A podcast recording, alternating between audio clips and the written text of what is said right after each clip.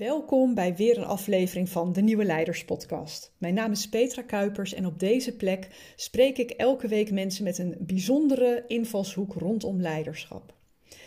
En deze aflevering is voor mij vrij bijzonder, want um, toen ik merkte dat ik de vijftigste aflevering alweer aan het naderen was, bedacht ik, ik wil eigenlijk wat mensen gaan benaderen die voor mij uh, een bijzondere rol hebben gespeeld als leider. En technisch gezien was Jan van der Bos, want daar hebben we het nu over, niet eens mijn direct leidinggevende. Hij was de baas van mijn baas. Maar omdat ik in die tijd uh, waarnemend hoofd was, had ik uh, veel rechtstreeks met hem te maken. En ook op andere momenten, ook de informele momenten in dat werk, uh, ben ik hem regelmatig tegengekomen. En toen ik zo zat terug te denken van wie zou ik graag eens willen spreken, was hij een van de eerste die in mij opkwam. En wat ik heel kenmerkend vond, was dat ik hem via LinkedIn benaderde. We hebben elkaar echt al heel erg lang niet gezien of gesproken. Um, en eerst heb gepost, zou je daarvoor openstaan om met mij in gesprek te gaan? En zijn reactie was, um, natuurlijk ben ik je nog niet vergeten, um, maar ik ben wel heel benieuwd hoe ik dan precies inspirerend was. En alleen al dat antwoord uh, kenmerkt voor mij hoe Jan bij mij is blijven hangen. Ik ken hem nog uit de periode dat ik uh, bij het ministerie van Sociale Zaken en Werkgelegenheid werkte. Hij was toen directeur-generaal. Um, en um, de manier waarin hij voor mij anders was dan uh, het leiderschap wat we daar heel veel hadden, was dat hij aan de ene kant heel stevig was in zijn opvattingen, in zijn visie en in zijn uh, nou ja, professionaliteit. Maar aan de andere kant was hij een ontzettend veilige persoon. En in zo'n politieke omgeving is een veilige persoon, althans, dat zijn mijn woorden, een, een, een, uh, een verademing. Het gaat heel vaak over belangen. Heel vaak zijn die tegenstrijdig. En wat er bij Jan bij elkaar kwam, die natuurlijk een hoge post had uh, op het ministerie, was dat hij alle stemmen hoorde en daar zijn eigen plan uit trok. Hij was niet bezig met zijn ego, hij was niet bezig met gelijk krijgen. Hij wilde wat het beste was voor het collectief. En dat heeft mij altijd ontzettend aangesproken. Vooral de eigenschap dat hij meer luisterde dan sprak. Dat was uh, voor mij iets heel bijzonders, omdat ik destijds ook in een omgeving zat waar heel veel mensen juist vooral heel erg ja, uh, aan het zenden waren. Hè? Dus uh, geluisterd werd er, nou ja, relatief weinig. Natuurlijk werd er wel geluisterd hoor, maar voor mijn gevoel mocht dat wel wat meer. En Jan was daar echt een, een, een verademing in. Bovendien heeft hij een aantal eigenschappen die het niet heel vanzelfsprekend maken dat hij op zo'n positie terechtkomt. Hij doet niet aan borstklopperij. Hij is zelfs vrij introvert en verlegen. En juist daarom vond ik het heel prettig om eens een keer wat uitgebreider met hem te spreken, zoveel jaar later. Van hoe, hoe ging dat nou bij jou? Hoe werkt dat bij jou? Hoe ben je hier terechtgekomen? Um, wat spreekt jou nu aan? Hoe kijk je naar leiderschap? Nou, ik vind het zelf heel bijzonder dat ik hem na zoveel jaar weer heb mogen spreken. En ik hoop dat deze aflevering ook voor jou de nodige inzichten en waarden geeft. Jan, welkom bij de Nieuwe Leiders Podcast. Wij hebben elkaar al uh, heel lang niet gezien. Heb jij enig idee hoe lang we elkaar niet hebben gezien? Wanneer zijn we voor het laatst wezen skiën met het ministerie? Weet je dat nog? Met uh, sociale zaken? Ja, ik denk dat het 2009 is geweest, uh, of 2010, Petra. Ja, zoiets, hè? Ja. Wordt groter. Uh, tot 2007 heb ik daar gewerkt, maar ik ben stiekem nog een paar keer mee geweest toen er wat collega's een ski-uitje... Nou, dan is, dan, dan is het nog wel eerder geweest, denk ik. Ja, ja dat zou best wel kunnen, inderdaad. Ja. Ski je nog wel eigenlijk, of niet? Ja, ja, dit jaar niet. Nee, ja, of je had zelf tegen de piste op moeten klimmen waarschijnlijk. Nee, dat is waar wij skiën zijn de liften wel open, maar uh, je moet eerst uh, in quarantaine tien dagen. Dat, uh... Nee, dat, er zijn wel grenzen aan wat nog. Wat en buiten dat. En, en, wat haalbaar is. ik wil ook niet het verkeerde voorbeeld geven. Nee, dat begrijp ik. Dus, dus gekwalificeerd als asociaal gedrag, en daar ben ik het mee eens. En dan moet ik me dat, ja. moet dat ook niet doen. Nee. Kan, kan je, kan je voor de luisteraars eens introduceren wat jij precies doet? Wat jouw werk is voor de mensen die jou niet kennen? Ja, vroeger maakte ik dan de grap. Zou mijn baas ook wel willen weten wat voor werk ik precies doe? maar die weet het inmiddels? Of, uh... Ja, nou ja, mijn functie is die van inspecteur-generaal. Mm -hmm. En uh, dat doe ik nu bij het ministerie van Infrastructuur en, en Milieu. Mhm. En dat betekent dat ik verantwoordelijk ben voor de inspectie leefomgeving en transport. Ja. En dat is een inspectie die toezicht houdt op, de naam zegt het al, de leefomgeving en het transport. Ja. en dat is heel gevarieerd, heel divers. luchtvaart, scheepvaart, vrachtverkeer, gevaarlijke stoffen, bodem, afval, maar ook nog weer heel veel andere dingen. drinkwater, legionella. Mm Op onze site zullen we zien dat het meer dan 160 verschillende onderwerpen zijn. Zo, en, en, heb jij dat allemaal zelf in portefeuille of is dat allemaal onderverdeeld in uh, specialisme? Uh, dat is uh, onderverdeeld in specialisme en we besturen het met, met z'n vijven, vier directeuren en, en mezelf. Mm -hmm. En daaronder een laag van afdelingshoofden en teamleiders, zoals dat gebruik is in dit soort bureaucratieën. En wat wel kenmerkend is voor in ieder geval deze inspectie, is dat we heel vaak niet de enige zijn die in zo'n veld opereren. Uh, soms uh, wel, maar bijvoorbeeld bij, bij bodem of bij afval of andere gevaarlijke stoffen zijn ook uh, andere diensten, omgevingsdiensten, provincies, nou, veel meer spelers betrokken. Mm. En mhm. vaak is er ook een relatie publiek-privaat, dus een deel van het let op veiligheid en duurzaamheid wordt ook door gecertificerende of gecertificeerde instellingen gedaan. Ja. Dus het is vaak ehm, uh, zijn het al uh, niet, niet altijd eenduidige verhoudingen. Nee. dat maakt het vaak boeiend. Het is heel divers. Ja. Elke dag heb je weer iets anders. Wat, wat wist je hiervan toen je deze portefeuille kreeg? Want je komt natuurlijk uit een hele andere... Tenminste, wij kennen elkaar nog vanuit sociale zaken en werkgelegenheid destijds. Wist je wat je hier kon aantreffen? Ja, dat, dat, dat, dat wist ik wel. Ehm, eh, bij het ministerie van Sociale Zaken was mijn laatste functie ook die van uh, inspecteur-generaal. Mm -hmm. voor de inspectie Sociale Zaken en Werkgelegenheid, confusiedienst. Um, en uh, ja, dit is dan een fusiedienst op een ander domein, uh, met uh, eigenlijk veel meer fusies achter, achter de rug. Ja. nou ja, en, en, wat dit soort organisaties meegemaakt hebben in de laatste 20, 30 jaar, is uh, het loskoppelen van, van, van de beleidsfunctie ja, en uh, het apart inrichten van de toezichtsfunctie en vervolgens eigenlijk fusie op fusie. Ja. Uh, dus ja, het is de, dus de verkeersinspectie, de luchtvaartinspectie, de scheepvaartinspectie, de milieuinspectie, de huisvestinginspectie. En het is allemaal bij elkaar gekomen toen de departementen van ja. VROM en VNW ook nog fuseerden. Er werd het één inspectie, dus eh, de veelheid aan onderwerpen en de, de achtergronden, die, eh, die kende ik wel. Ja. Uh, maar je moet het ervaren om te weten hoe, hoe uitdagend het kan zijn. Ja, dat, dat geloof ik meteen. Maar heb jij destijds bewust ook de overstap gemaakt van een, een, een beleidsverantwoordelijkheid naar een inspectieverantwoordelijkheid, een toezichtsverantwoordelijkheid? Ja, ik heb eigenlijk al, ben altijd wel een beetje heen en weer gestapt tussen verschillende uh, soorten werk. Mm-hmm. Dus ik heb, bij, uh, ik heb uh, in mijn hele jonge jaren ben student-assistent assistent geweest op de universiteit en vervolgens ben ik bij gemeenten in het Westland gaan werken. Ach, in het Westland. en, en toen ben ik naar het ministerie van Binnenlandse Zaken gegaan, Financiën.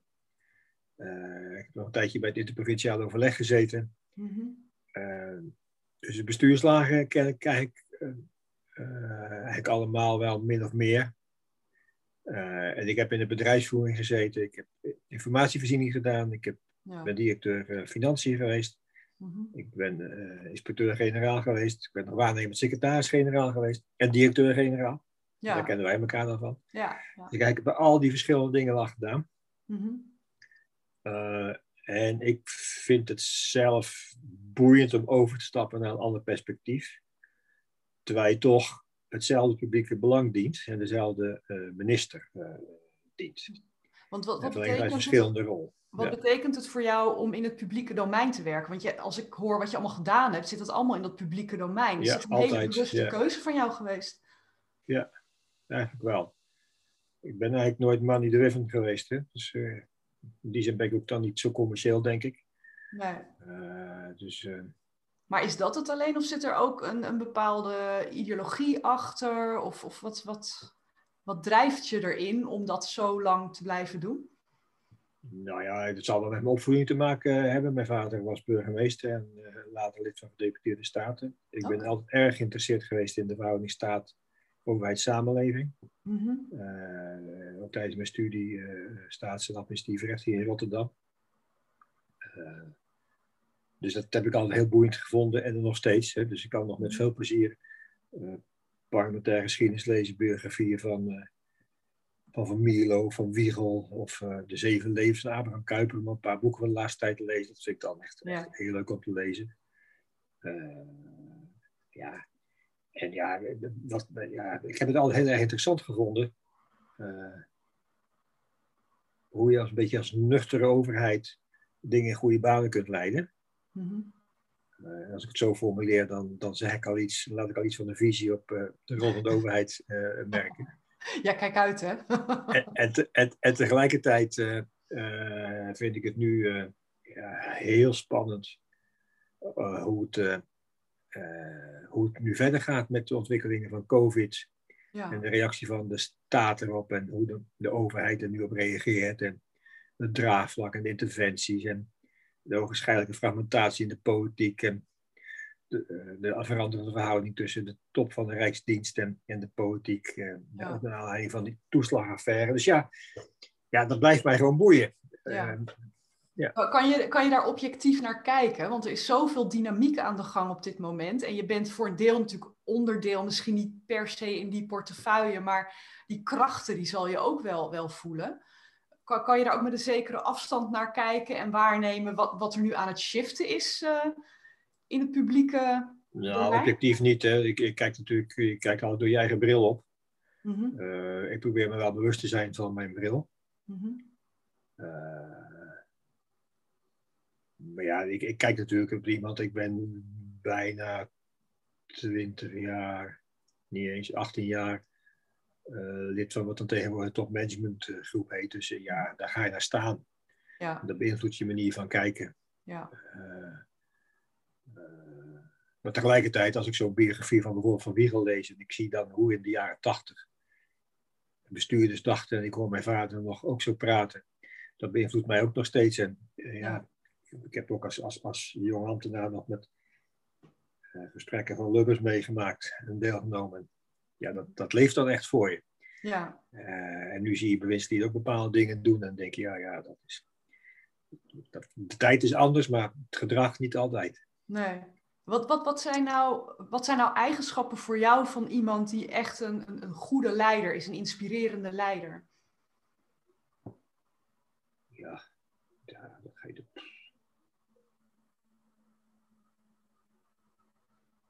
Dus toch, wat, wat ik. Wat ik nu ga zeggen, wil niet zeggen dat ik dat ben, hè? Nee, nee, nou, nee, maar dat vraag ik ook niet. Ik vraag, wat vind jij? Eh, dat, is een soort disclaimer hoor ik hier aankomen. Ja, ja, ja, ja, ja, ja, ja, ja. ja. Ik heb het, en ik, maar ik zeg maar wat ik zelf altijd prettig heb ervaren. Ik heb altijd heel fijn gevonden als mensen met ruimte gaven. Mm. En uh, een kans gaven en, en uh, dat ze me uh, niet lieten vallen. Mm -hmm. en ik stel het ook altijd wel op prijs dat mensen een richting in hun hoofd hebben. En, en niet omdat ze eigenwijs zijn, maar dat ze die ook kunnen plaatsen in de context waarin ze opereren. Ja. Um, en uh, ik heb een broertje dood aan mensen die de baas spelen. ja. Uh, ja. Dat vind ik. Een tijd is het dienend leiderschap uh, een, een kreet geweest. Dat vind ik een beetje een lastige paradox. Maar ik snap wel wat ze ermee bedoelt. Hè. Dus, dus, dus je, moet, je moet zorgen dat andere mensen hun werk kunnen doen. Mm -hmm. en dat kan ook betekenen dat je dingen tegen de zin van andere mensen moet veranderen of uh, onaangename beslissingen die moet nemen. Vind je dat lastig? Nu, ja, nou, ik vind het niet fijn. Nee. Maar tot op het niveau dat je wel eens ergens wakker van ligt, of valt dat wel mee?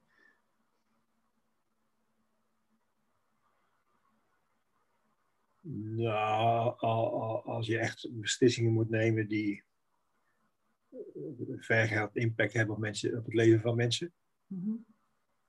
Eh, dat vind ik wel lastig, ja. Ja. Dat vind ik wel lastig, daar moet ik wel echt over nadenken.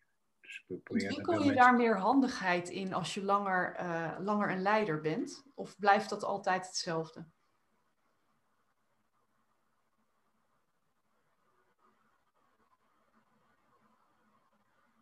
Ja, toen zweeg hij stil. Uh, nou, ik blijf het lastig vinden.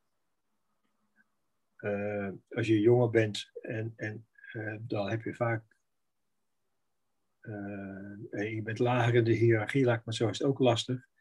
En als je met jongere mensen te maken hebt, zit er nog zoveel verder verloop in, de, in, in, het, in, het, in het leven. Mm Als mensen eenmaal op bepaalde posities zijn geraakt, dan, dan, dan uh, zit ook nog zoveel afbreuk bij. Hè? En hoe doe je het dan op een goede manier?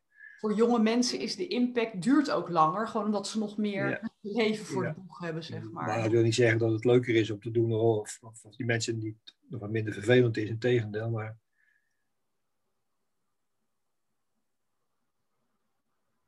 Uh, als, je, als je er meer ervaring mee hebt, dan denk ik dat je uh, een grotere kans hebt dat je meer aspecten uh, meeneemt in je besluit en dat je het beter kunt doen. Ja. maar je doet het toch vaak fout hoor. Ja.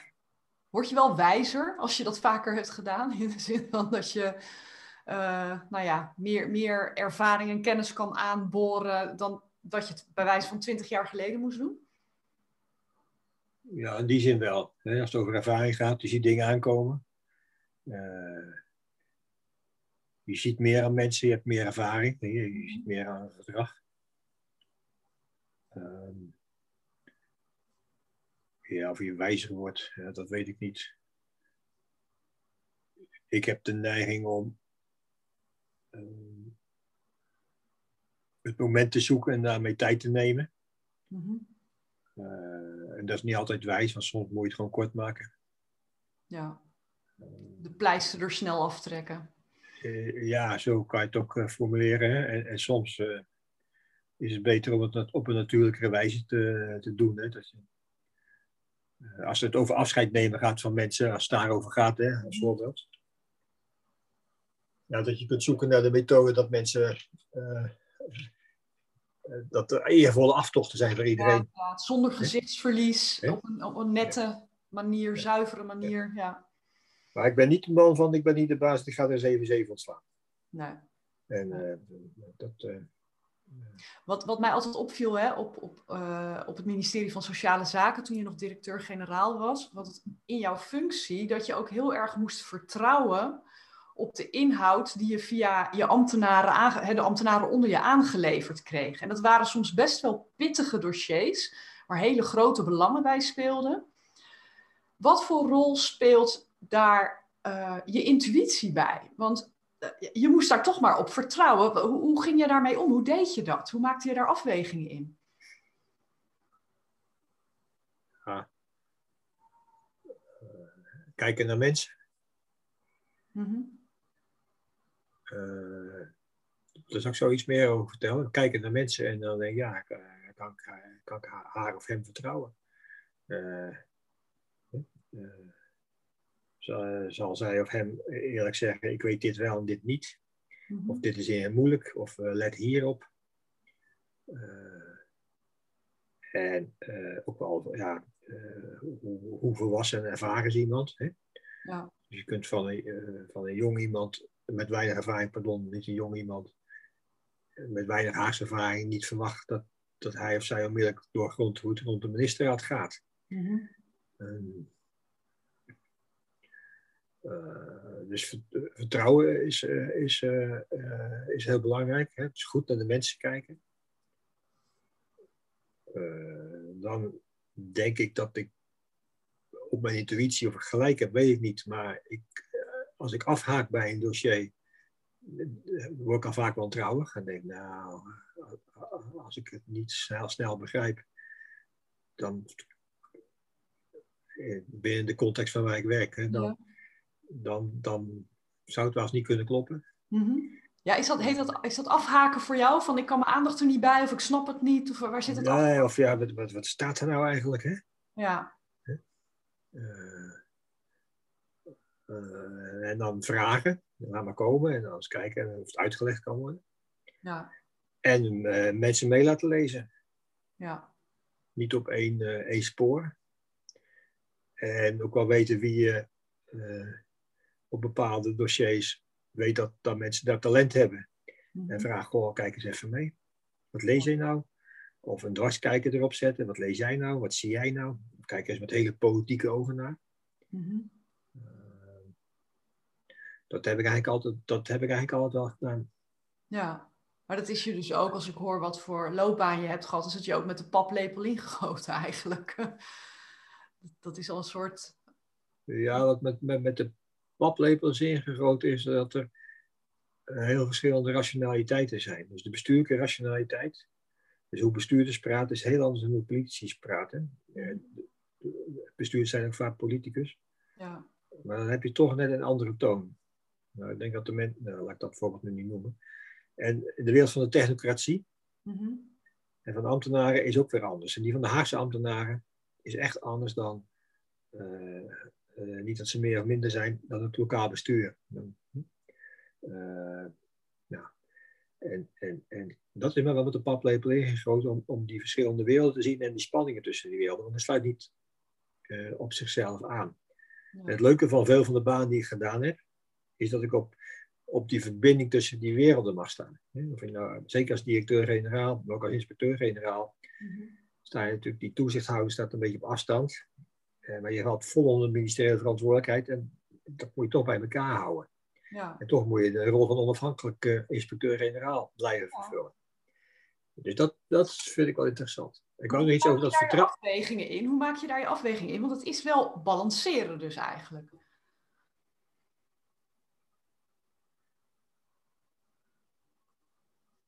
Ja. Ja, kijken, kijken wat er gebeurt. Uh, overzicht proberen te houden. Mm -hmm. Kijken wat, uh, wat mensen drijft en wat er speelt. Kan je dit werk doen zonder dat je mensenkennis hebt? Als je niet geïnteresseerd bent in mensen, nee. maar heel erg in dossiers? Nee? Nee, nee absoluut niet. Nee. nee. Is het 50-50 of, of is dat te veel? 50% mens, 50% dossier? Nou ja, kijk, zonder inhoud gaat het niet, want dan heb je niet in de gaten wat er gebeurt. Nee. Uh, mijn vader zei altijd, no problems, only people. Ja. uh, dus ja, ik, zou, ik neig naar mensen. Mhm. Uh, maar zonder inhoudelijke kennis heb je niet, snap je niet wat er gebeurt. Nee. Alleen die inhoudelijke kennis is vaak zuigt, hè? zuig je naar nog meer details. Mm-hmm. En ja, de devil is vaak in de detail. Dus je moet die details in, juist ook weer om het andere goed te kunnen doen. Dus, en dan ben je zo afhankelijk van mensen die dat snappen. Ja. En die op die details wijzen. Let even daarop. Hè? of je, je hebt natuurlijk de ervaring om te vragen naar dat soort potentiële details. Hè? Hebben Mhm. jullie daarop gelet? Heb je daarop gelet? Ja. Ik ben nooit eh, verantwoordelijk geworden voor een, een, een directie over die over ICT vooral ging. En daar wist ik wel iets van, maar veel te weinig. Mhm. En tot dat moment had ik eigenlijk altijd werk gedaan wat ik zelf ook kon. Was het een zegen of een vloek om dat een keer mee te maken? Dat was geweldig. Eh, het was enorm spannend. En dat heeft me enorm geleerd over wat. Als die iets zegt, klopt het. En als die iets zegt, klopt het misschien niet. En was ik echt totaal afhankelijk in mijn oordeel over. Kan ik hem of haar vertrouwen? Hoe, heeft Dat het jou veranderd? Eh, eh, langs twee kanten. Eén, eh, niet meer alles zelf willen kunnen. Mhm. Ja, Eh, en daarmee veel meer ruimte in mijn hoofd te krijgen. ja, En het andere is nog veel meer letten op, op het vakmanschap van de mensen zelf. Ja. Heb je dat vast kunnen houden nu in je functie? Ja, anders gaat het niet. Hè. Je kunt niet met 1200 mensen werken en 160 onderwerpen. Uh, van vliegtuigen tot chemicaliëntankers en, en kotters en uh, gevaarlijke stoffen en bodemassen en uh, ja. weet ik veel wat. Heb je nou het idee hè, dat je, dat je, je zit op een heel ander terrein, maar dat je wel lijkt als leider op hoe jouw vader was als leider? Want die heeft natuurlijk ook een, een, een hele in het oog springende publieke functie gehad. Lijken jullie op elkaar in je leiderschap?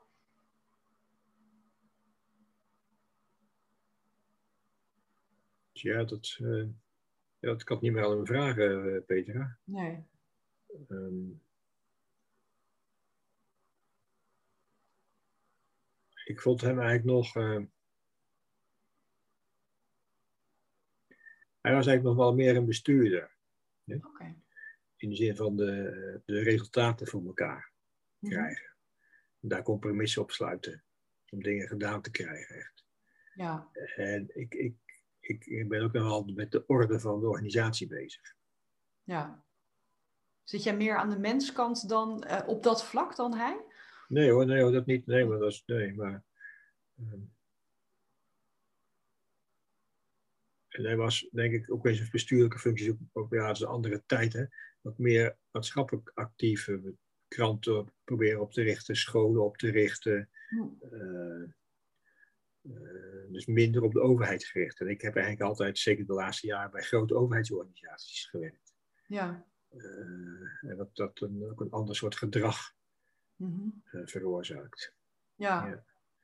Maar ik denk wel in het, in het bij elkaar willen houden en op mensen gericht zijn, dat we op elkaar lijken. Ja. En als je nou met een afstand gewoon kijkt naar leiderschap in het algemeen, heb jij nou het idee dat leiderschap ook aan het veranderen is? Want we zijn allemaal natuurlijk in ons privéleven kunnen we alles voor onszelf regelen. We hoeven nooit meer naar formele instanties als banken of verzekeraars of reisbureaus of wat dan ook. Heb jij het idee dat, dat de manier waarop we ons leven leiden ook maakt dat leiderschap verandert? Ja, wat mij opvalt is dat uh, een groot verschil is uh, hoe mensen met die mogelijkheden in de samenleving omgaan. Uh, want sommige mensen zijn buitengewoon bekwaam om met heel die keuzevrijheid en al die digitale mogelijkheden om te gaan. En de andere mensen eigenlijk helemaal niet en die voelen zich vervreemd. Er is nog veel meer over te zeggen. en dat kom ik op het werk ook tegen. en er zijn mensen die heel goed de moderne tijd in het werk toe kunnen laten. En ook mensen, en ook mensen die daar uh, veel meer moeite mee hebben, uh, et cetera. En dat, um, ja, als je leiding wil geven daaraan, dan, dan zul je toch met die verschillende situaties om moeten gaan of rekening moeten houden. Heb je het idee ja, dat die mensen echt buiten de boot aan het vallen zijn? in de samenleving?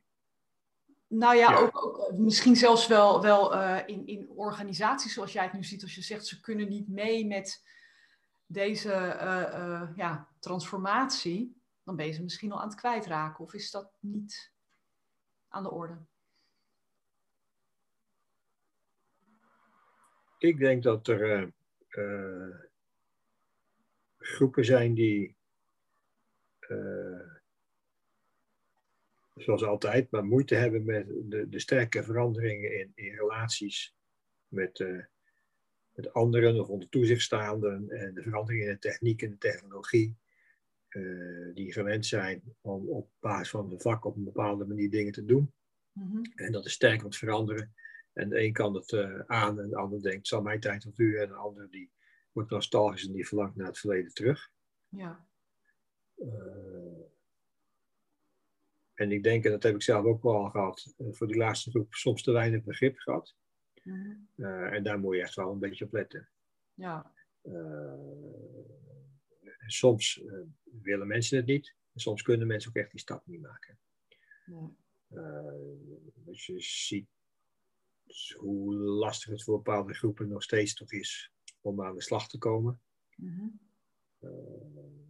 en je, ja, je ziet ook hoe lastig sommige mensen het hebben om met die overheidsbureaucratie om te gaan, dan zie je wel dat, uh, dat sommige mensen ja, uh, daar echt wat problemen mee hebben.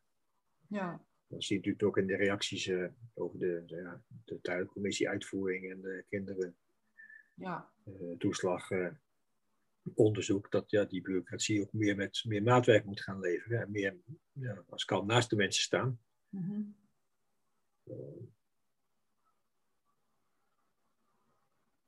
maar ja, weet je, Petra durft niet te zeggen. Ik, ik ben 65 en ik zeg wel eens uh, gekscherend, in, in deze tijd was ik nooit afgestudeerd. Ja. Want ik heb alles bij de hand, film, muziek. En ik zie mensen van, van 35 razensnel met die dingen omgaan. En dan zie ik kinderen van 12 nog veel sneller met die dingen omgaan. Ja. Dus ik ben nog een boekenmens. en, en, en ik, ja, ja, ik weet niet of ik het zo mag noemen, maar misschien krijgen we dan eens een keer de YouTubeisering van het openbaar bestuur of de gamification van het openbaar bestuur. Ik durf het niet te zeggen. Hè? Dus, Ga je het nog meemaken in deze... Ja, ik hoop het wel. Zo. Ja, dat vind ik wat hartstikke wil jij nog spannend. Leren? Wat, wat wil jij nog leren in, in, in de tijd die jij uh, in het publieke bestel werkt? Of wat zou je nog willen toevoegen? Ja, ik ben gewoon hartstikke nieuwsgierig hoe je dingen veranderen. Mm -hmm. En of ik dan, uh, wat ik over mezelf wil leren, kan ik nog mee veranderen? Lukt me dat? Ja. Uh, is, is het, is, zou het waar zijn? Ik vind me nog, nog jong van geest. Anderen zullen het echt niet vinden, maar ik vind dat nog wel. Is dat echt zo? Ja. Ga ik het nog ervaren? Of, uh, en, en, en dat heb ik nog niet, maar ja, ja. Ik, als we weer kennis gaan maken met de nieuwe minister, is het wel voor de x keer. Hè? Ja, is dat spannend? Uh, ja, het blijft altijd spannend. Want ja, het is toch een menselijke relatie en dat, dat klikt wel of dat klikt niet. Hè? Ja. Uh, ja, je, moet er toch, uh, je wilt er toch gewoon een goede relatie mee hebben. Ja. maar de eerste keer was het echt heel spannend. Ja.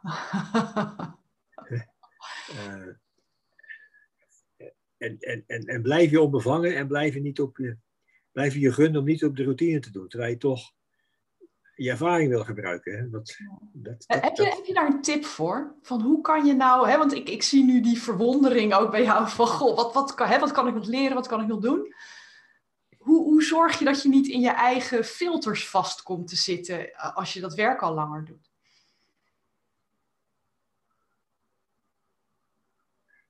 Ja, uh, nou ja, ik ben wel een lezer, hè? dus ik blijf me wel, uh, ik blijf wel, denk, god dat ik dat niet wist. Ik heb dat boek uh, Revolutie over Indonesië gelezen. Ja. Nou,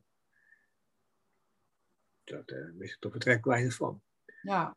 dus ik blijf me verwonderen over mijn gebrek aan kennis. Mm -hmm. ik denk dat ik wel blijf kijken naar hoe andere mensen het doen en denk, oh, dat is slim, oh, dat is handig.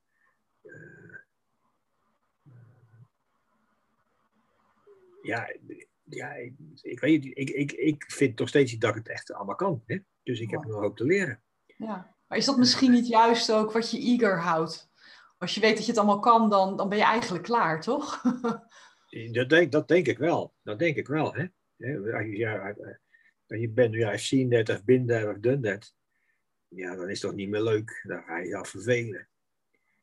Dus, uh... wat, wat kan je leren van de jongste generatie op de arbeidsmarkt? Wat, wat pik je daarvan op? De generatie zetters, zeg maar, de, de twintigers. Nou ja, dat is een bevlogenheid. Hè? Uh, uh, ik ben geloof ik een generatie, heet dat? X, is dat? Nee, wat is dat? Na de babyboomers, ik weet nooit hoe dat heet. Ja, dat, dat ben ik, de Dat patatgeneratie. ben jij, hè? Dus ik daarvoor. ja, ja, ja.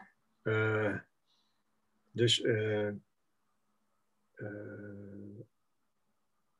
dus wij zijn gaan werken begin jaren 80, eind jaren 70, toen de economie in elkaar lazen, et cetera. Na een bepaalde periode.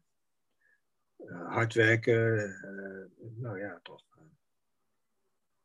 verschijnsel als dubbel income, no kids, materialistisch. nou, nou, even dus allemaal te makkelijk gezegd.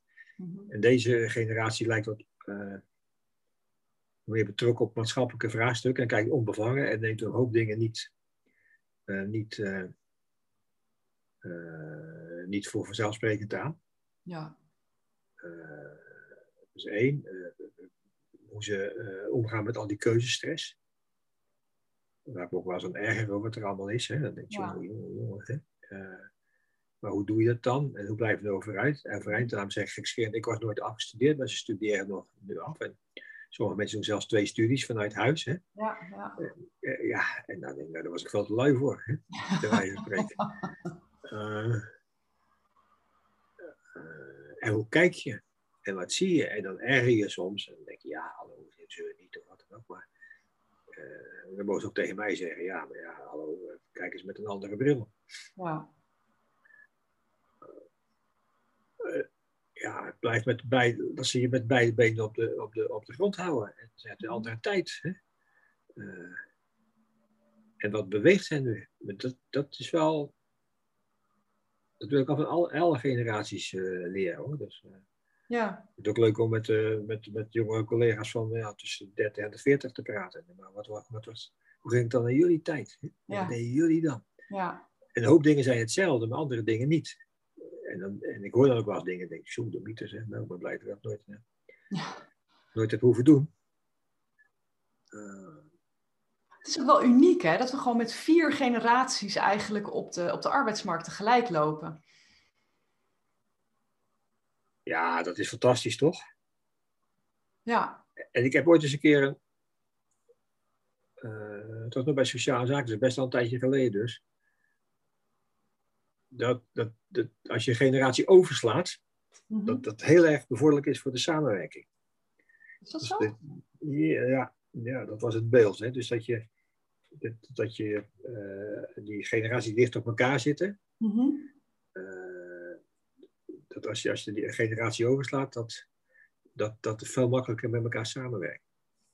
Omdat er nog te veel ergernis zit tussen de generaties. ja, ik weet het niet. Eh, misschien heb ik het ook verkeerd begrepen. Maar, uh, nou, er is er wel eentje om eens op te kouwen, want ik herken het wel. Ik denk dat de generatie, als ik met de generatie van mijn ouders zou moeten samenwerken, dat ik daar wel, wel degelijk moeite mee heb. ja. ja. Ja, ja. Dus ik denk dat dat, dat, dat, ja, dat hadden wij ook, hè, de hiërarchie. Ja. Uh,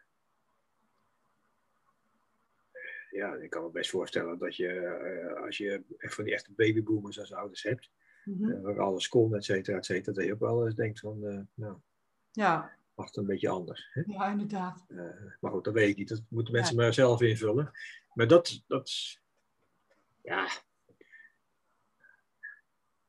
En weet je wat, Petra? als je als je niet meer nieuwsgierig bent en je gaat je vervelen. En je gaat alleen maar met mensen met jezelfde, met dezelfde bril op en van dezelfde leeftijd uh, om. Mm-hmm. Ja, dan word je volgens mij zo hartstikke oud. Ja, dat is waar. en dat is, dat is. Ja.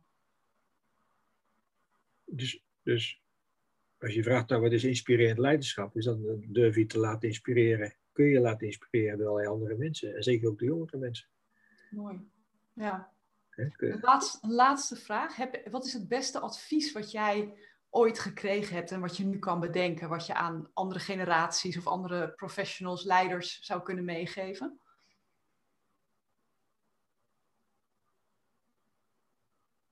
Het beste advies dat ik ooit gekregen heb.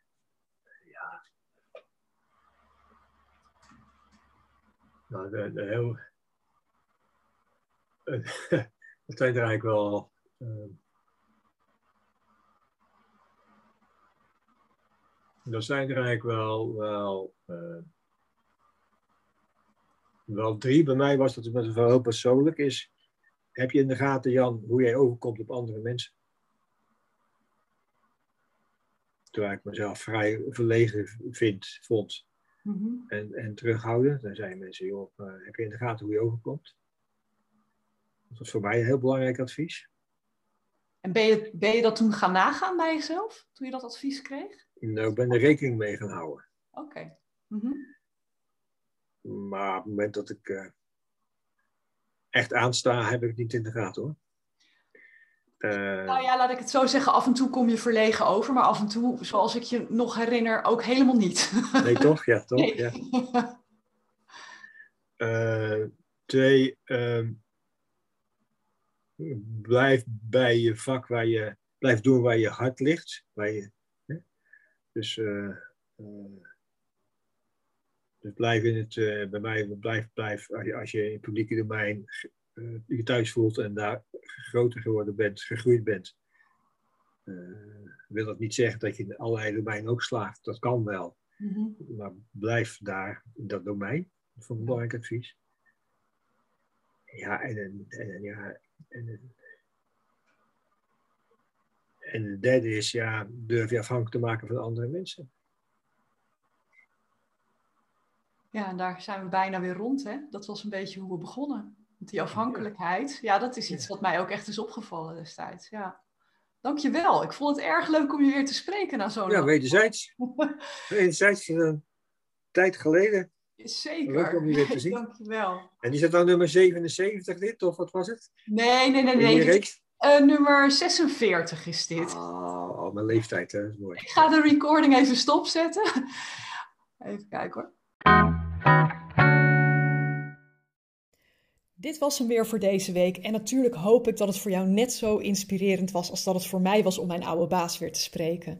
Wat bij mij meteen weer terugkwam, was dat gevoel wat ik toen had van de bedachtzaamheid, waarbij eerst geluisterd wordt en niet meteen um, de drang ontstaat om een reactie te geven. Uh, wat Jan, vind ik, uh, blijkt uit dit gesprek ook heel mooi doet, is eerst luisteren, dan processen wat hij echt denkt en pas dan een reactie geven. Um, en niet meteen ad rem of snel of, of, of gelikt of wat dan ook te zijn, maar heel goed voelen wat is hierin mijn waarheid. En het andere wat daar natuurlijk in opvalt, althans uh, als ik voor mezelf spreek, is Ehm, dat hij zich heel bewust is van zijn filters. Dus hij ontkent niet dat ze er zijn. Hij beweert niet objectief te zijn, maar hij is wel heel erg bewust bezig van in hoeverre beïnvloeden mijn filters het oordeel wat ik hierover heb. En ik denk dat dat ongelooflijk waardevol is voor elke leider die dit luistert. Nou, ik ben heel benieuwd wat je ervan vond. Ik vind het altijd erg leuk om het van je te horen. Dus stuur me vooral een mailtje op petra.deimplementatiedokter.nl. Ehm, eh, je feedback, je ideeën, de inspiratie die je eruit opdoet, altijd heel erg prettig om te horen. En heb je nu zoiets van, goh, ik heb zelf ook wel weer zin om wat geïnspireerd te worden en wat actiever met mijn eigen zelfreflectie aan de gang te gaan, dan nodig ik je van harte uit voor uh, de masterclass die ik op donderdag 1 april, dus op het moment dat deze podcast uitkomt, is dat vanavond, uh, die ik vanavond geef. En die heeft de titel Nieuwe Leiders. En wat we daarin doen is, ik geef jou de inzichten en een aantal praktische tools waarmee je jouw positieve impact, waarmee je jouw invloed kunt vergroten zonder dat je een formele leidinggevende bent. En geloof me, je hebt meer invloed tot je beschikking dan waar je je nu van bewust bent. Vind je dat interessant? Ga dan naar mijn website en meld je aan deimplementatiedokter.nl forward slash masterclass streepje nieuwe streepje leiders. En dan zie ik je heel graag vanavond om half acht bij deze mooie gratis masterclass. En ik spreek je natuurlijk graag volgende week bij de volgende aflevering van de Nieuwe Leiders podcast.